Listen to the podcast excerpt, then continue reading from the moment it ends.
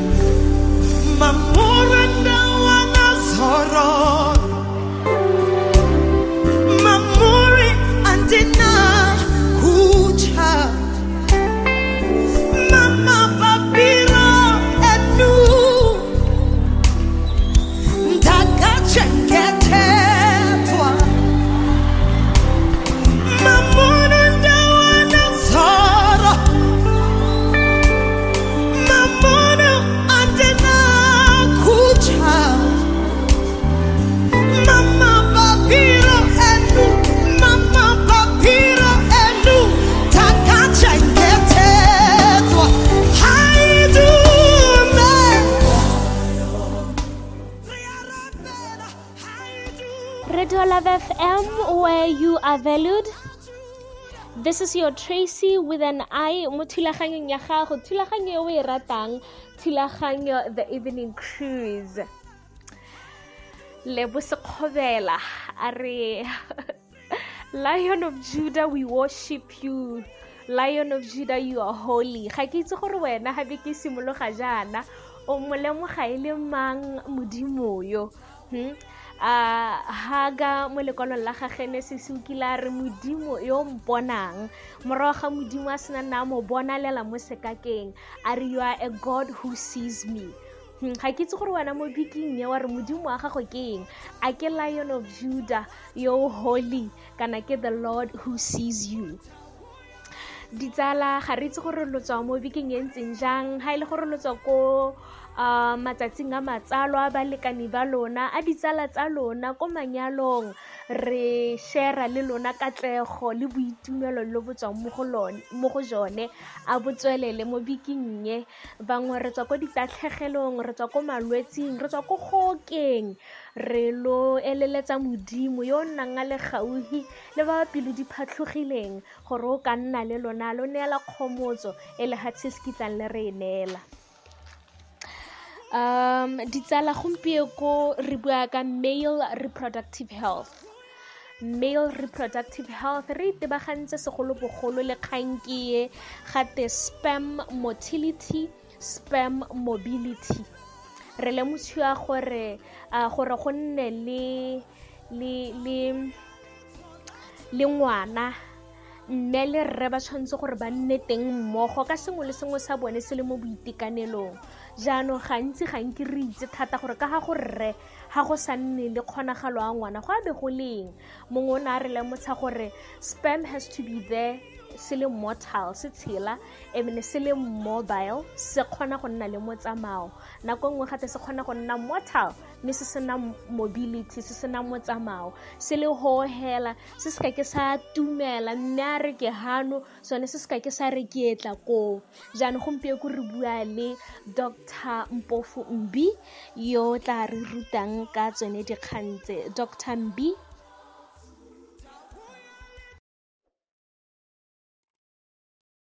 Hi, friends. I'm Dr. Mbofumbi, and today we'll be talking on male reproductive health. At times we wonder what role men and women play in reproduction, and today we'll be looking at sperm motility, which is one of the parameters that is important in the reproductive process. So, sperm need to meet certain criteria for them to be able to fuse with the egg so we can have a baby. That's overly simplified. But yes, so when we look at the sperm, it's made out of three components the head, the neck, and the tail.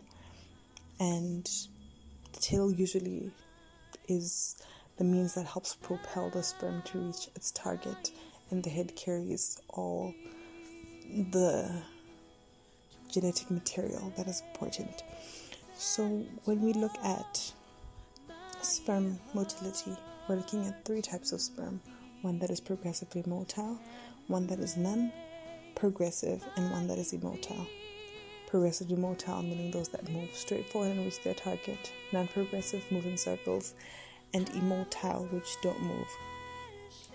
In studies that have been done, we found that lifestyle and environment play an important role in the way that the semen is and the sperm turn out to be because things like genetics, things like temperature, even mood have, have an effect.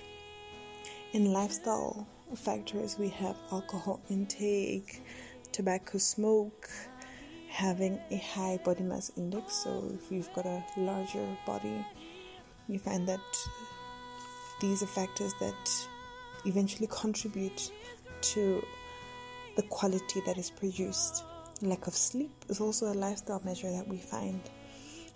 And in these populations, you find that these things that are done in our lifestyles tend to build up stress in our body in different ways, and the stress then affects the genetic material that is found in the sperm head. And it also affects the amount of energy because that head has genetic material. It also helps in production of energy to help the tail propel the sperm. So, these are factors that need to be thought of. And oddly enough, increased physical activity also tends to decrease the quality of sperm usually intense physical activity in large amounts. So we find that usually we'd say too much of everything tends to be bad. Physical activity is one of those that also culminate to causing a problem. Another factor that we find is um, sexual abstinence.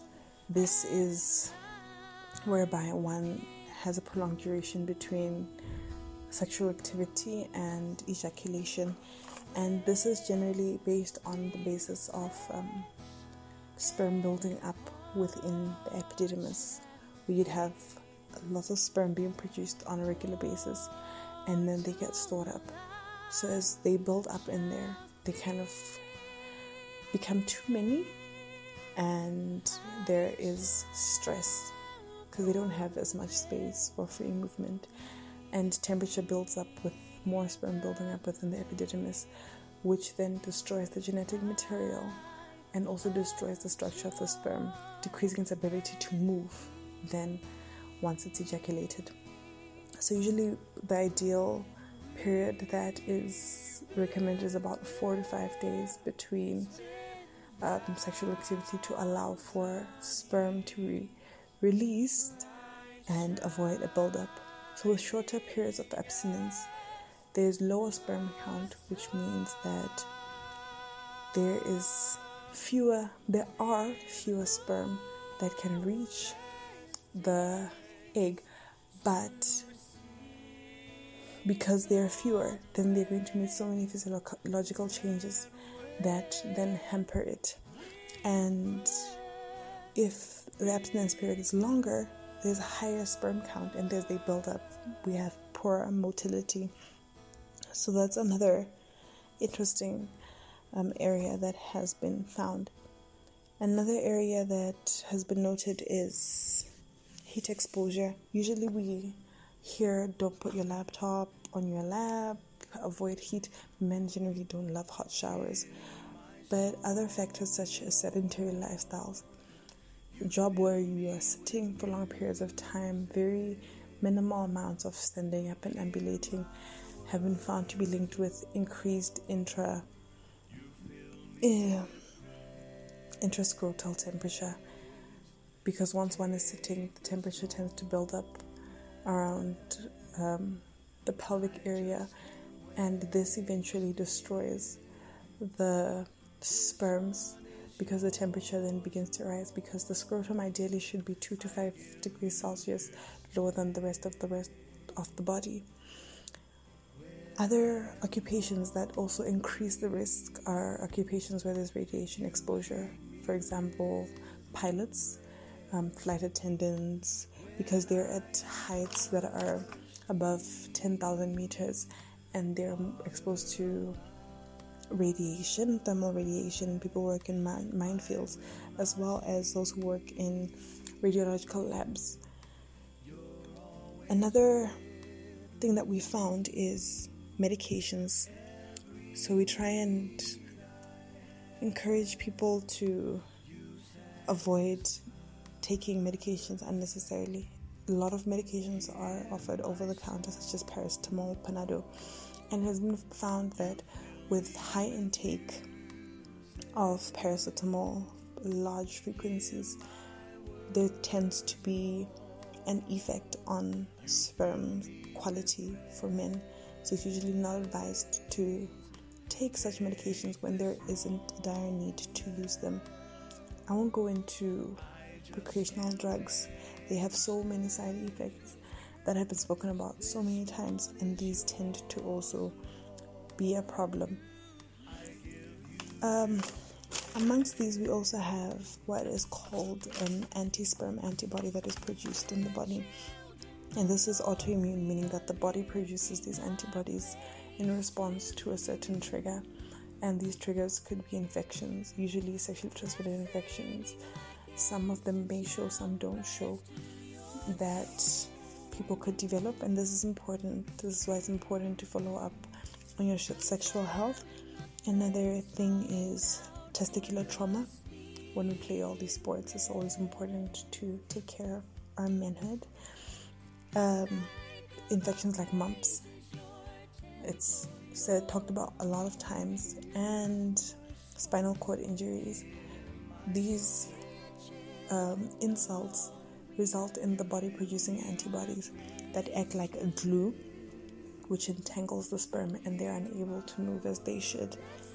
And this is found in about 6 11% of men who are infertile, so it's pretty common in such populations.